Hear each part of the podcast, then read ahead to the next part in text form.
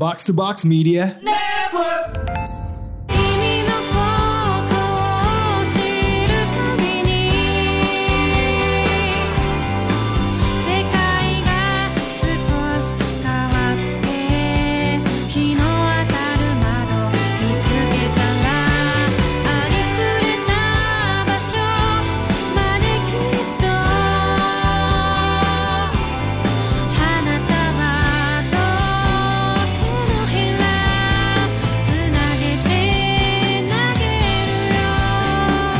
よ Hikuro Ikuzo, Kembali lagi ke Ikuro segmen Otaku Box Yang dibawakan oleh gua Bung Randan. Bung Ros, Yang membahas soal apa? mangga apa yang kita baca pekan ini? To the point saja. Rossi Manga apa yang anda baca minggu ini? Eh, mangga yang saya baca eh, pekan ini sebenarnya udah sempat disinggung pas kita kedatangan tamu eh, Nadia. Oh, kalau nggak ya. salah Ah, jadi saya ngebaca sebuah mangga soal eh, WFH yang kebetulan disarankan oleh eh, seorang rekan di Telegram Box Box Bola gitu ya. Biasa kan kalau di Telegramnya Box Box Bola tuh ada berbagai macam perbincangan kan, Eh, Oke. curhat, meme segala macam atau kadang-kadang ada yang nyamber, "Bang, gue udah dengerin Ikuro." gitu. Nah, ini yang apa dia dengerin yang episode eh Death Sweeper terus kemudian dia bilang kalau lo suka manga-manga yang chapternya pendek-pendek gitu juga ini ada lagi nih gitu. Eh, yang yang bikin itu ini mangakanya eh, Aseto Seken yang udah pernah kita bahas juga di Oh yang Kuro. soal bau ya? Iya, yang uh, Bau sabun. Sweat iya, and iya. Soap. Eh, Yamada Kintetsu manggakanya. Nah, Hmm. ini dia bikin mangga lagi.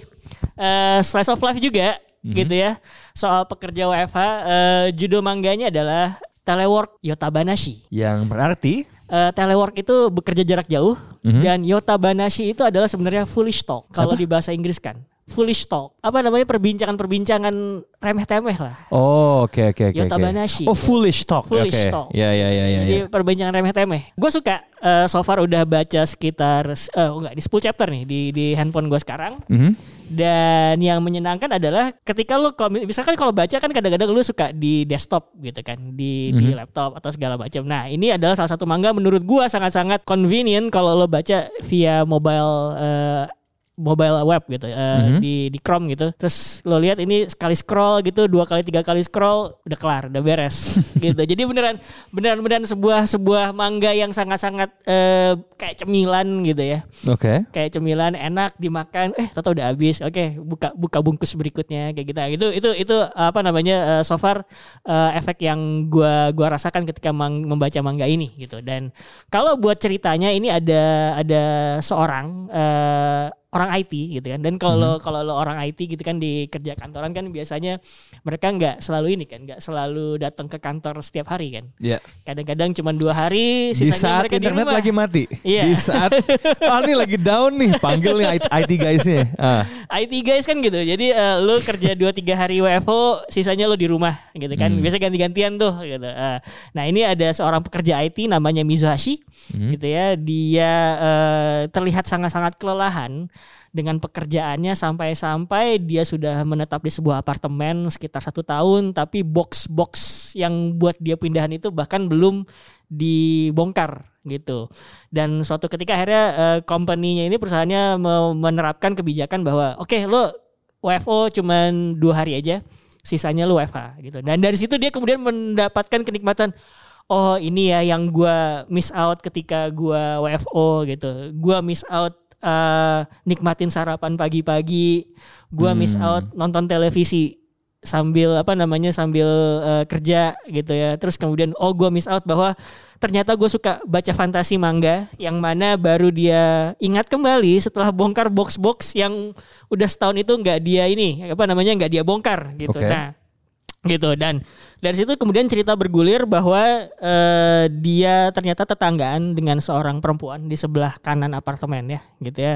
Namanya Izumi gitu kan. Terus eh, suatu hari dia lagi ke balkon gitu menikmati harinya terus ternyata di sebelahnya eh, si Izumi ini keluar gitu dan bilang oh ternyata gue punya tetangga ya. Padahal udah udah udah kayak setengah tahun gue di sini. Gue nggak tahu kalau di sebelah apartemen gue tuh ternyata ada orangnya gitu kan barulah kemudian di- dimulailah percakapan remeh-temeh antara mereka berdua dan di akhir chapter pertama dikasih tahu bahwa Izumi ini kelak bakal jadi istri gue gitu. Jadi Oh. ini oke. adalah kehidupan perjalanan kami gimana akhirnya eh gua sama dia jadi jadi si Mizuhashi-nya ini jadi naratornya ini adalah perjalanan kehidupan gua sama Izumi sampai akhirnya gua sama dia memutuskan menikah gitu jadi eh, chapter-chapter berikutnya adalah percakapan foolish talk itu tadi gitu ya. Percakapan remeh-temeh antara keduanya di Basa-basi, balkon. Iya iya. basa-basi di balkon.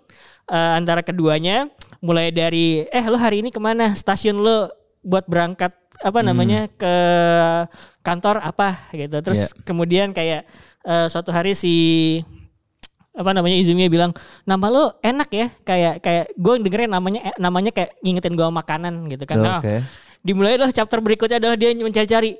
Nama Mizuhashi itu yang identik sama makanan apa ya? Itu menghabiskan beberapa panel cuma buat kayak begitu doang gitu kan? Sampai kemudian di chapter berikutnya so, oh sorry sorry bukan bukan Mizuhashi yang gue inget tapi apa gitu? Itu makanan Yeah. dari Kyoto gitu. Dia bilang kayak gitu. Jadi dijawabnya di chapter berikutnya cuman gue suka ngelihat gimana sebuah percakapan kecil gitu bikin si Mizuhashi yang kelihatannya agak-agak eh, asosial gitu ya.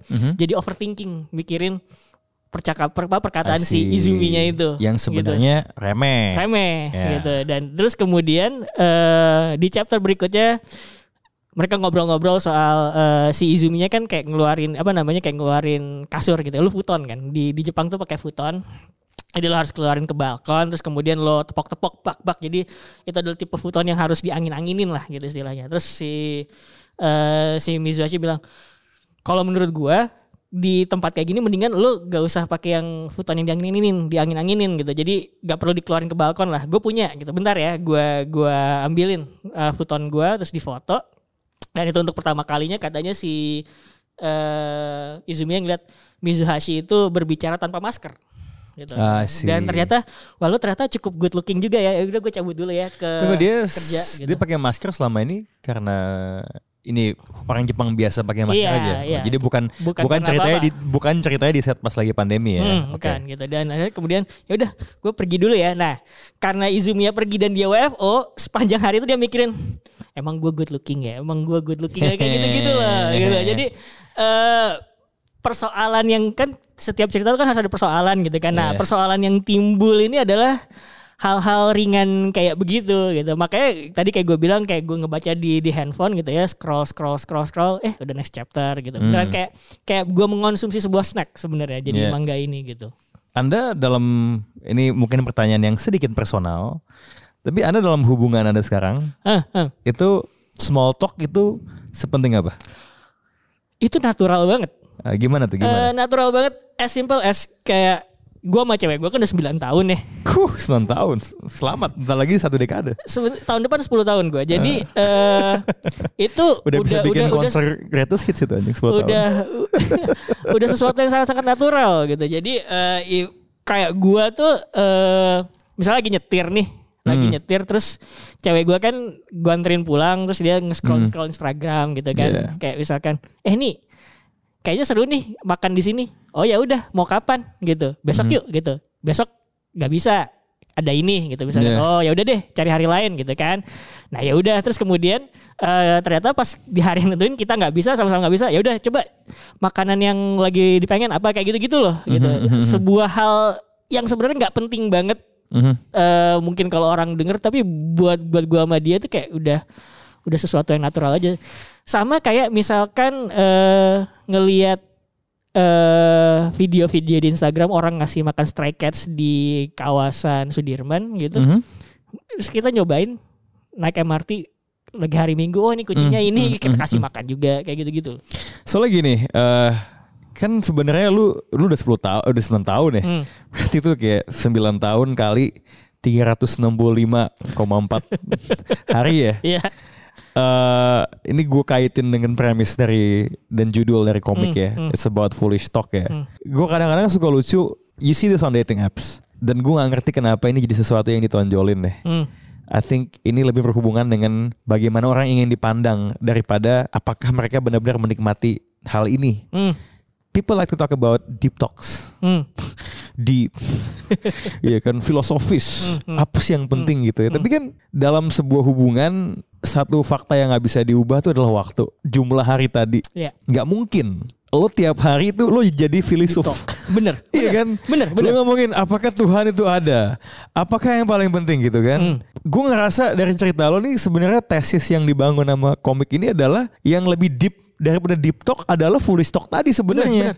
Jadi gue tuh kan di di di balik lagi ngomongin telegram box box bola itu kan Iya. ada ada subgrup soal curhat kan. Ah. gue ditanya kok kok lo nggak pernah ini sih nggak pernah menampilkan pacar lo di sosmed atau gimana ya gue menurut Oke. gue ya gue nggak tahu gue nyamannya kayak begini gitu loh Iya, iya, Eh, iya. sesuatu yang private gitu dan segala macam dan gue bilang eh, dan percakapan berlanjut sampai ngomongin cinta gitu gue tuh gue bilang gue ke cewek gue itu sulit untuk meng, apa mengkerucutkan jadi kata cinta gitu tapi lebih dalam dari itu gue terbiasa Hmm. sama cewek gue itu. Nah, kalau bahasa orang-orang kan nyaman ya, tapi Iya. gue lebih suka bilang terbiasa karena Hmm. sama aja kayak gua dengan nyokap gua, gua dengan almarhum bokap Hmm. gitu.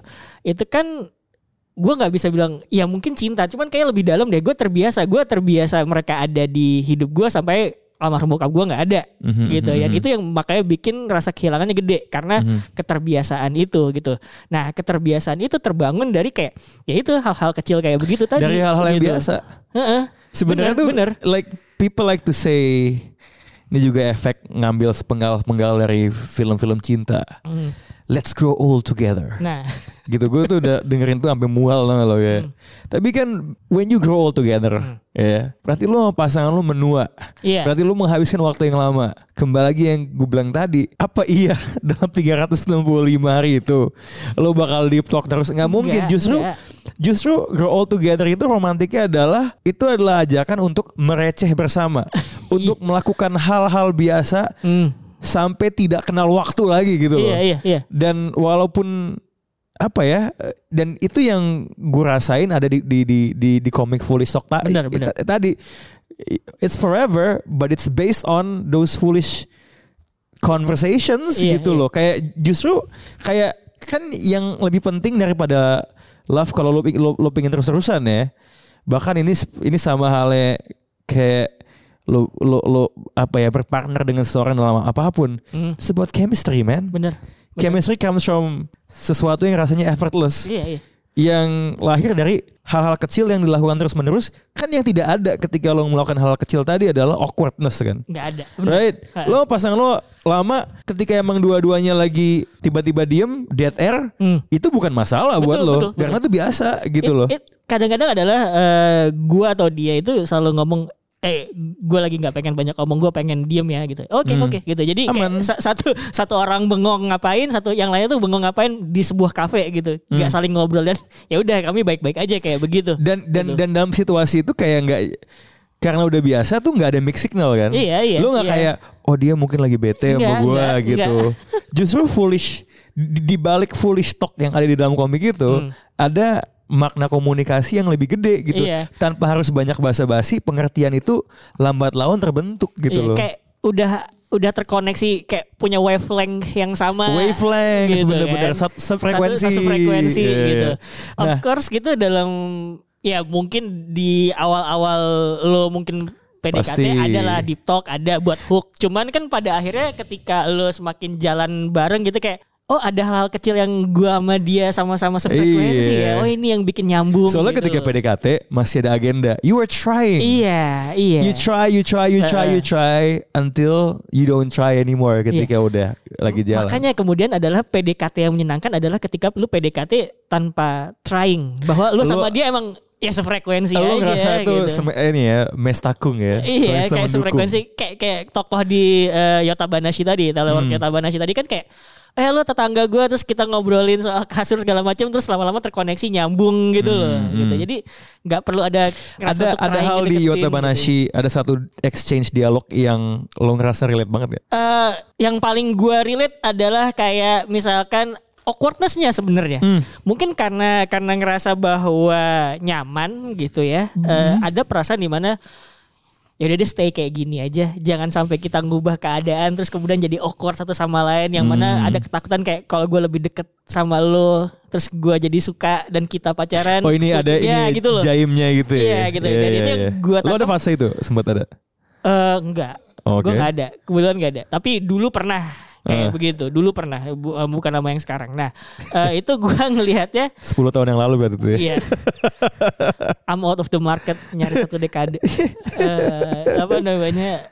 Kalau gue lihat adalah ketika dia nanya stasiun lo di mana gitu. Oh ini gitu. Terus dia menahan diri. Jangan bilang stasiunnya deket sama stasiun gue. Jangan bilang, jangan bilang kayak gitu loh. Hmm. Kayak ya udah kita stay kayak gini aja. Dia menolak untuk eh, mengubah sesuatu yang udah terbiasa antara mereka berdua supaya nggak hancur gitu aja gitu. Gue Hmm. nangkep ya. Lo udah baca komik ini sejauh apa? 10 chapteran. Tapi gue lihat Sudah- kayak, gue ngebacanya sih di gue nggak tahu apakah ini udah tamat atau belum, gue belum cari tahu. Hah? Tapi di eh, situs yang gue eh, baca itu statusnya masih ongoing dan itu Oke. ada- sampai chapter 20, tapi gue baru sampai chapter 10. Oke, Gitu. lo u- udah udah kelihatan di ceritanya hubungan hubungan mereka kan mengalami pro- progresi ya. Iya, iya, iya. Nah, eh, udah sampai sayang-sayangan belum? Eh belum, belum. Oke, tapi- this is this is itu makanya gue udah mulai sampai ada kayak doki-doki gemes nggak? kalau di awal-awal udah mulai ada. Udah ada ya. Yang si- sign pertamanya itu adalah yang dibilang ya bagus deh lo nggak pakai masker soalnya eh, tampang lo yang nggak ngebosenin itu jadi Iya. kelihatan gitu kan. Oh, Terus dia kayak, komplimen, komplimen oh, ya. komplimen. Si cewek ngeluarin terus Iya, cowoknya kayak- overthinking. Anjing emang gue gua good looking ya gue good looking kayak gitu. Iya, iya. Tiba-tiba kayak realita dia berubah in a good way gitu. Iya, ya. gitu. Persepsi akan dirinya sendiri kan. Iya. Kayak, karena statement itu terkesan kayak ini ini kan orang yang mungkin self loving nggak tinggi kan. Enggak.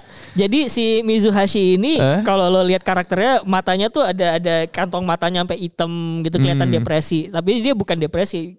Gua ngelihatnya dia adalah overwork aja sebenarnya. Iya. Karena dia overwork, dia miss on so many things di kehidupan sehari-hari dia. Iya, iya. Ini Gitu. ada ada sedikit tema soal online lawan offline ya. Mm-mm, bener. A- apa yang lo si- sibukkan dengan sebenarnya ketika lo keluar selangkah aja, Mm. selangkah keluar dari kamar lo, Mm. Lo akan melihat dunia yang benar-benar baru, iya. gitu ya. Dan dunia baru itu ada di sebelah kamar lo iya. gitu loh. Dan dunia baru itu dibentuk oleh foolish foolish talk tadi Iya, gitu. bener. Mungkin ya dia kerja terus it's not foolish talk. Mm. Dia online terus it's not foolish talk Hmm. gitu. Tapi ketika dia oke turn on turn off the computer Hmm. keluar boom ternyata Iya. there's this whole new universe yang dibentuk dari hal-hal yang mungkin remeh-temeh Iya. yang, yang Dan gue nggak tahu kenapa ya dengan dengan dengan Jepang ya. Eh gue kalau misalkan gue baca novel sekalipun eh, percakapan remeh-temeh itu banyak bertebaran di novel-novel atau di eh, cerita-cerita Jepang gitu. Hmm. Eh, koreksi Bung Fikri, eh, Murakami kan juga begitu ya. Banyak sekali eh, percakapan remeh-temeh gitu. Dan salah satu cerita meandering malah kayak di kayak, kayak di tempat kan kalau baca prosesnya Iya. Murakami itu kayak gitu dan salah satu cerpen Murakami yang gue suka tuh eh, Flat Iron tuh eh, Mhm. itu kan membahas soal siapa yang lebih terkenal antara Pearl Jam atau api unggun gitu. Terus cowok-cowoknya berdebat gitu terus si si cowoknya bilang, "Iya Pearl Jam baru beberapa dekade sih gitu, Iya, beberapa iya. tahun. Api unggun tuh dari ribuan tahun punya penggemar Iya, katanya gitu." Itu men. itu menurut gue lucu banget. Coy coy tapi lo agak ngerasa gini gak sih? I mean obviously mungkin di dalam komiknya dan dalam kehidupannya dialog-dialog kayak gitu terjadi secara natural ya. Iya, iya. Tapi ya walaupun gue udah gak main dating app ya, menurut gue fakta bahwa hal-hal biasa ini juga adalah pertanda hal yang romantik. Gue tuh mulai sering lihat di dating apps tuh promptnya tuh kayak gitu. Oh. Pertanyaan-pertanyaan random kayak kayak misalnya kayak apakah lo pro apa eh, eh, nanas di atas pizza atau tidak? Hmm, hmm, hmm. I mean ini kan hal-hal pertanyaan kecil dalam bentuk yang paling banal itu kan menjadi ketahanan konten kan. Iya, iya, iya. Lo tim bubur yaduk atau enggak gitu kan. Ya, I'm just wondering gitu loh. At, at some point orang kan semakin pinter gitu ya. This foolish talk nih menurut gua di dunia nyata itu sekarang jadi pancingan sebenarnya. Iya, iya, Karena iya, kalau iya, lu iya, ngelihat iya. nih, ini ini ini, gue tahu ini mungkin gue side tracking sedikit nih. Tamu-tamu Tori ini pernah ada yang eh, ketika gue lagi biasalah di, di, di, di balik bar gitu. Hmm. Ini men punggawa punggawa lu tau hitman system tuh. Jadi hitman system Yang dating ini ya, coaching dating gitu ya. Iya, ada istilahnya high value male. Hmm, hmm. Ngajarin cowok biar jago bicara, dengerin pik ya. Nggak, nggak pikir udah udah jago ngomong kok. Eh, jadi gitu apa namanya ada yang kayak tamu tamu gue yang dia tuh emang ceritanya tuh spesialis ngajak kenalan cewek itu itu, itu close the deal tuh istilahnya gitu nah itu nah prom promnya adalah dengan small talk tadi gitu Hmm. loh jadi memang small talk tuh menurut gua fully talk nih ada ada dua fungsinya Hmm, hmm. dalam bentuk yang natural ketika dia terjadi terus dan lo cocok uh, small talk dia adalah bedrock dari hubungan lo. Hmm. Tapi dia juga adalah trigger sebenarnya di awal. Iya iya iya iya. gitu iya, di- iya. dilepas aja gitu walaupun di baliknya ada agenda yang agenda yang Supaya saya bisa berhubungan dengan anda. iya gitu. Nggak, nggak, tapi tapi itu signifik signifikansi small talk. Mhm. Foolish talk mau dibilang foolish atau enggak, dia ngebuka pintu Hmm. Ya dalam bentuk yang bisa saja tidak jujur dan manipulatif. Iya, iya, dia iya. membuka pintu nih, Hmm. ya. Tapi ketika sudah ada hubungan, dia juga adalah darah yang mengalirkan hubungan itu. Betul betul. Intinya fuck deep talk lah. Gue sorry ya, gue gue tuh sebel banget nih. Apa sih deep talk? Kayak kayak kok lu bisa menikmati di kalau lu lu ngaku lu suka deep talk, tapi lu nggak mau ngomongin soal gini. Kalau lu suka deep talk ya, tapi lu nggak suka fafifu was was was, Bener, bener, then bener. you're full of deep shit tau gak? Eh, Deep talk ya sesekali di hubungan gue iyalah kayak jam 12 malam belum tidur terus tiba-tiba curhat gitu kan terus jadi ke mana-mana jadi, gitu? jadi jadi jadi deep talk tuh kejadian kejadian di hubungan gue tuh kejadian Sebenarnya nggak PKI bener hari gak sih gitu? tapi gitu. tapi gue pernah loh sa- sampai kayak gitu karena Eh. terus gue bilang eh tapi gue pernah baca ini di buku ini nah itu di buku itu bilang bla bla bla jadi Fafif was was kan Iya ya. cuman itu nggak kejadian Fafifu foolish talk. tapi itu nggak kejadian setiap hari Ya itu kan kalau kalau Pikri itu dia sok-sok foolish talknya adalah dengan kayak So- so- lu iya dia ngomongin ke gua Hmm. ada, ada ada studio udah ya. Eh, iya lu suka film Ghibli yang eh film eh eh, Makoto Shinkai yang mana gitu kan. itu foolish talknya namanya. foolish talk buat masuk. Menurut lu Makoto eh so- sorry Makoto Shinkai sama eh, siapa namanya sama Jibri itu yang lebih pro feminis yang mana? Ah, aduh gila Fafi Fufu Talk. Alright, jadi kalau mau melihat, eh, mau menikmati ya komik Hmm. yang eh, menggembar-gemborkan omongan-omongan remeh-temeh sebagai kunci, sebagai awal dari Hmm. Iya. sebuah hubungan yang indah, mudah-mudahan kan belum baca sampai tamat ya. Betul. Kan nggak tahu nih, he become wife terus cerai kan bisa aja kan? Bisa aja ya. Gitu kan. Eh, silakan baca Yo. Yot, eh, telework Yotabanashi. Oke. Oke, ini Interesting. giliran saya yang bertanya kepada Anda. Eh, biasanya kan kalau saya itu bangga-bangganya kelihatan ya. eh, simplicity of life, segala macam gitu kan. Eh, Bung Ran ini biasa aneh-aneh, outrageous gitu loh. nah, jadi mangga apa? Mangga outrageous apa yang Anda baca eh, pekan ini? Oke, ini yang menarik adalah dari cerita Anda. Komik yang Anda baca ini penuh dengan harmoni ya, Hmm, dengan hmm. rasa yang menyenangkan. Komik yang gue baca eh, pekan ini tuh kayaknya dari awal 2000-an. Gue sebenarnya udah pernah baca dulu, makanya tadi pas gue lagi kemarin lagi baca-baca ya sambil nungguin tandingan basket, gue yang kayak ini tuh udah pernah gue bahas belum ya? Terus gue cek Ikuro, oh ternyata belum. Tapi Hmm. rasanya mungkin pernah gue sebut either di Otaku Box atau dalam percakapan offline dengan penggawa otak, otak, Otaku Box yang lain. Komik yang gue baca namanya Kichi. Hmm. Tentang seorang bocah yang namanya Kichi. Ini komiknya udah tamat dan ada Oke. sequelnya cuman gue baru baca sekitar 20 chapter ya. Tentang seorang anak masih kecil banget, masih TK 3-4 tahun namanya Kichi. Hmm. Ini anak kalau dari perangainya gue menduga eh jangan-jangan it's his on the spectrum ya Oke. karena kelakuannya agak udik kalau dibandingin dengan norma sosial yang umum ya. Eh, anak kecil yang anak dari ayah sama ibunya, dia ini nggak pernah nangis ya dan punya strong sense of justice. Hmm. Jadi kalau dia ngeliat ada yang salah, didiemin, dia tuh langsung bertindak Oke. dengan cara yang keras. Jadi ini anak TK nih ya, ada satu anak yang mungkin ngebully dan lain-lain, langsung dia gebukin gitu loh. Sehingga habis itu orang tuanya tuh jadi kayak harus minta maaf Hmm. gitu ya. Gua agak susah mendeskripsikan plot pointsnya ya. Intinya adalah dalam perjalanan ceritanya dia mengalami sekian banyak tragedi dalam 3-4 tahun kehidupannya nih ya yang seimbang dengan kalau hidup lo tuh bener-bener naik turun in one lifetime. Oke. Kalau gue disuruh menyederhanakan ceritanya, gue akan bilang Kichi ini adalah Yotsuba versi Dark. ya, Yotsuba Oke, kan ini Iya, anak iya, kecil, iya, iya, iya. anak kecil memandang dunia dengan sense of wonder kan. Iya iya benar benar. Sehingga you cannot help but smile. Iya iya. Oh ternyata dunia nih sebenarnya begini ya hidup tuh ringan aja. Hmm.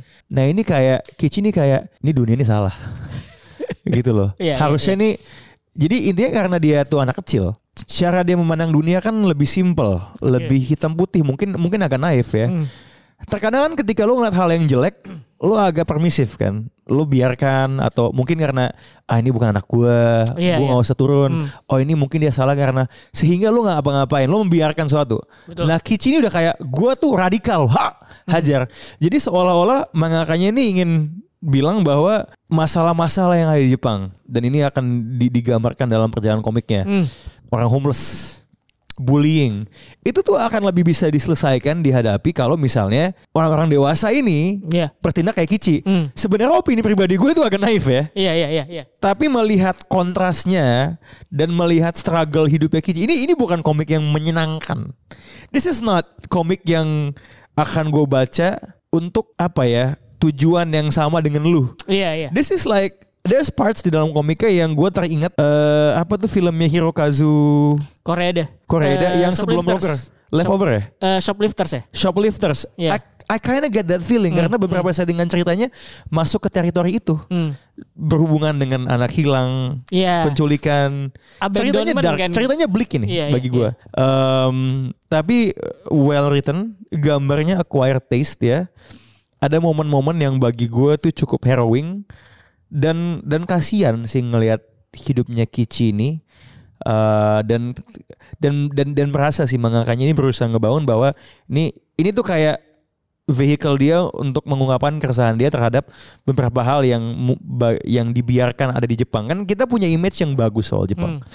bahwa ini negara yang lebih maju daripada Indonesia Iya. Uh, orangnya pinter bahkan ikan gitu kan kultur bla bla bla gitu kan teknologi maju kan Iya, iya. tapi sebenarnya di balik kosmetik itu Hmm. ada hal-hal di dalam society-nya yang yang sebenarnya adalah sebuah masalah gitu loh. Itu tuh gue pernah, eh, lu tahu Shibuya itu kan serame dan segemerlap apa gitu Hmm. Iya. kan. So gue jalan sedikit di Shibuya masuk ke kolong jembatan itu penuh homeless. Ah, Itu kan sesuatu yang nggak kelihatan sama mata telanjang ketika lu ke Shibuya. Iya, gitu. dan- Lu harus agak mundur dikit gitu Bener. menjauh gitu. Dan mungkin juga ada upaya dari pemerintah untuk membuat mereka ini eh, kalangan marginal ini Iya. Tidak kelihatan gitu Ya, loh. Nah, inilah so this this kid what he's doing adalah dia berusaha menyingkap eh, bobroknya Iya. Jepang gitu. Gue denger sih, ini gue belum baca sampai jauh banget Hmm. juga kan. Akan ada time skip di mana dia bertumbuh dan lagi-lagi itu dia adalah anak radikal yang melihat Hmm. wah ini harus gue beresin dan kok nggak salah ada sequel namanya eh, Kichi versus dia udah gede. Hmm. dia membuat sebuah organisasi kalau nggak salah tadi gue baca. Yang tujuannya lo memperbaiki kehidupan Jepang gitu. Nah gue jujur makanya gue seneng sih karena gue tidak setuju, sepenuhnya dengan dengan agenda dari komiknya. Tapi kan lo baca bukan untuk setuju kan? Lo Hmm. Betul, baca untuk betul. melihat ini situasi kayak apa dan bagi gue ini menarik aja gitu melihat kontras apakah semua solusi harus radikal kayak Iya, Kichi iya. enggak cuman mungkin mangakanya merasa di Jepang tuh seabai itu Oke. sampai perlu solusi yang seradikal itu soalnya apa ya kalau ngomongin komik yang ngomongin soal masalah Jepang ya gue kita, pernah ada kita bahas di Kuro namanya Sanctuary kan Ya betul. Sanctuary itu kan juga radikal Ya. gitu. Mungkin juga karena ini terjadi di komiknya di 2000-an awal, Sanctuary 90-an kan. Masa di mana Jepang tuh ada kayak perlambatan gitu Hmm. loh. Jadi kayak seolah-olah kita ini stagnan nih sebagai sebuah society. Iya, iya, iya. Ada hal-hal yang nggak beres sehingga butuh solusi yang wah dicambuk gitu. Gitu. Dan sebenarnya tuh gue ngerasa bahwa ketika ada sesuatu yang nggak beres sama society, either Mhm. lo di kanan atau di kiri, kenapa pilihannya harus ekstrim? Cul. Gitu. Kan Sanctuary itu agak kanan kan, karena dia ngerasa Sangat bahwa pro nasionalis. pro nasionalis gitu kan, bahwa ngerasa wah Jepang ini udah udah terlalu lemah gitu. itu make Japan great again Sanctuary itu Iya. sebenarnya. Itu sesuatu yang apa misalkan apa namanya eh, lo dulu zaman imperialis Jepang terus komik itu hadir gitu udah pada masturbasi semua. Oh Iya, ini iya, iya, ini iya, harapan iya. Benar, kami melihat sebuah benar, komik gitu kan segala macam. Nah sementara yang gue juga melihat kadang-kadang di kiri itu juga ekstrim bahwa lu harus justice segala macam.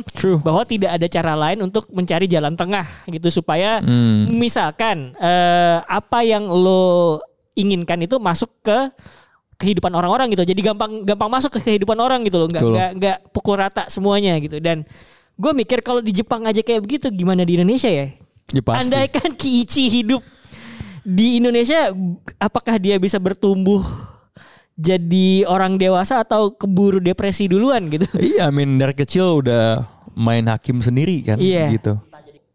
Oh bener bener bener Iya, bener iya, ya. iya, iya. Jadi tadi kata kader betul. udah cebong. Eh, iya tapi ya polarisasi kan selalu selalu Iya, menakutkan ya gitu. Em, da- tapi again gue belum lihat ketika dia dewasa Hmm. apakah ada nuans yang yang bertumbuh tapi lika-liku hidupnya itu di awal tuh bener-bener tragis Iya, iya.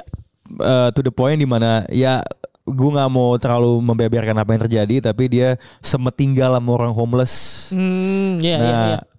eh, dan orang homeless ini kan sebenarnya bukan orang yang dari awalnya miskin Betul. ada juga yang meng, sial maksudnya gini gini image lo lo sering gue nggak tahu apakah lo pernah denger ini tapi ini sering-sering kali ketika depiksi orang miskin di benak orang kaya adalah mereka ini miskin karena males Iya, nggak berusaha. Padahal kan bisa aja sial banget. Struktural. Ada tragedi, bisa juga kemiskinan struktural kan. Nah, Kici ini juga berusaha ngangkat ini gitu loh. Hmm, menarik banget. Ada adegan dia datang ke eh sempat di, ketika dia udah lagi sama orang homeless, eh, dibawa sama orang homeless ke restoran eh, family Famiresu di Jepang. Hmm, hmm. Di Famiresu sebenarnya kan lu kayak eh, lu bisa nih eh, apa namanya? Kalau lu mau murah lu minum kopi aja Hmm. bisa refill apa ya kayak mungkin kayak lo ke restoran apa cuma pesan ocha gitu kan. Nah, waiternya tuh kayak ngomongin ah ini gelandangan ini bakal beli menu nggak gitu kan. Sampai akhirnya si gelandangannya karena masih Kici masih kecil dibeliin kids menu terus kayak diomongin sama karyawannya gitu kayak wah tumben nih dia beli kids menu kedengeran sama Kici. Hmm. Kici ngamuk. di, di ditonjok waiternya. Waiter, ya. Jadi se, se seradikal itu Iya, iya, gitu. iya, iya. Ya itu kan ugly-nya society gitu. Betul. Ya gelandangan oke oke, sama kayak supir Gojek nunggu di depan gitu. Hmm, hmm. Gelandangan tuh ada stigma terhadap mereka padahal kan adalah hak dia untuk emang ada aturannya apa namanya Iya, iya, eh, nggak boleh pakai baju kayak gelandangan gitu-gitu loh. Jadi dia berusaha ngeliat ini the problem kayaknya yang yang yang terjadi di Jepang ketika ada masalah yang ugly lah yang Hmm. dianggap membuat kita tidak terlihat cemerlang. Tendensinya adalah disembunyikan, Iya. ditutupi, bukan Iya. diberesin. Iya, iya, iya. nah iya. Kici tuh mau dia kayak ini tuh harusnya lo beresin. yang ngumpetin ini bukan ya. lo taruh bukan lo sapu Kotoran di bawah sapu, itu. iya, nah, iya, nah iya, itu iya. mungkin sebenarnya Kici itu adalah kritik terhadap budaya yang permisif. Betul, betul. Yang yang menunda, yang yang menggampangkan, yang menyampingkan, bukan yang menghadapi. Ya. Ini kan sesuatu yang erat juga kaitannya dengan eh, I could be wrong here ya, tapi budaya ketimuran kan. Iya. Selalu dikontraskan dengan budaya barat yang semua Nama baik depan. kampus, ingat nggak? Iya. Tapi Kasus nama baik kampus. Iya, yang bisa dilihat de- apa kasus pelecehan seksual Iya, iya. gitu kan kayak Iya. Bagi Kici society yang benar adalah yang bisa menatapi ke, ke- ke- kesalahannya di depan muka dan own it up Hmm. Iya, gitu. I- itu yang gua gua gua nggak tahu gua harus ngecek arti kata Kici apa mungkin mungkin ada ada ada ada hubungannya tapi Hmm. Iya, iya. karena tragedi hidupnya dan pengalaman hidupnya dia jadi semakin keras tuh terbentuk bahwa harusnya tuh nggak lo giniin ketika ada masalah Benar, gitu loh.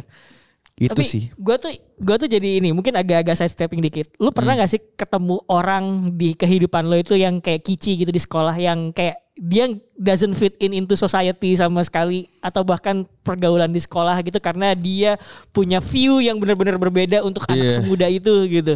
Itu kan ada aja kayak gitu Iya, men, kan men, men, sebenarnya. kan bisa sebel kayak misalnya kayak Kici ini kan kayak ini bisa tugas kelompok nih. Iya, iya, Ya. iya. Terus ada satu yang free rider. Dia pasti Kici kayak bilang, dia nih nggak ngapain. Tolong nilainya dibikin lebih rendah gitu kan. At that moment, lo mungkin kesel kayak sialan kan kok lo nggak bisa kasihan sama Hmm. Iya, gue. iya, iya, Tapi iya. yang diomongin kan nggak salah. Nih, Kici ini kalau misalnya dia di One Piece dia Sakazuki anjing. Iya. Absolute, Absolute justice, justice. gitu. Tapi di kiri bukan di kiri kanan. ya bukan di bukan di pihak nggak bedanya adalah kalau di One Piece sebagai komik pro bajak laut anti pemerintahan Iya. Sakazuki itu opresor Iya, benar, nah benar. Kichi ini dia di pihak yang oppressed Hmm. nah menurut gue ini juga penting nih karena gue melihat dalam diskusi di sosial media gue melihat ada ketimpangan antara orang yang punya masa sama yang enggak Oh, dalam iya, isu-isu. iya, gue nggak mau iya. nyebutin lah profesinya apa. Cuman kita harus selalu ingat ini kenapa gue juga sangat ringan. Eh, Gue tuh nggak mau bilang semua SJW atau apa ya. Coba cek, coba kesampingan agama atau ini gue tuh kalau ngeliat sosial media gue nih nggak akan kaget kalau bener lagi orang Indonesia tuh bakal nge-tweet pakai hashtag woke mind virus ya. tapi ta- tapi selalu penting itu lucu kan orang Iya, yang iya, yang iya, so iya. so edgy di sini kenapa haluannya sama dengan orang Fox News ya mereka. Anyway, Be- Ben Shapiro, Shapiro, eh, iya. suaranya lucu gitu kan. Tapi Kici ini bagi gue mengingatkan gue akan pentingnya ketika lo lihat konflik di di, di, so- di sokmed ya. I mean culture wars kan udah mulai terjadi lah di, di Indonesia. Lo harus ingat siapa yang kompresor dan siapa yang oppressed gitu. Itu tuh, tuh penting coba coba kesampingan gitu kayak lo tuh lagi ada di pihak yang mana Betul. ketika lo mengambil sebuah stansa Ya. isu. Pertanyaan lo eh, untuk menutup podcast ini, Kici ini pasti dianggap SJW.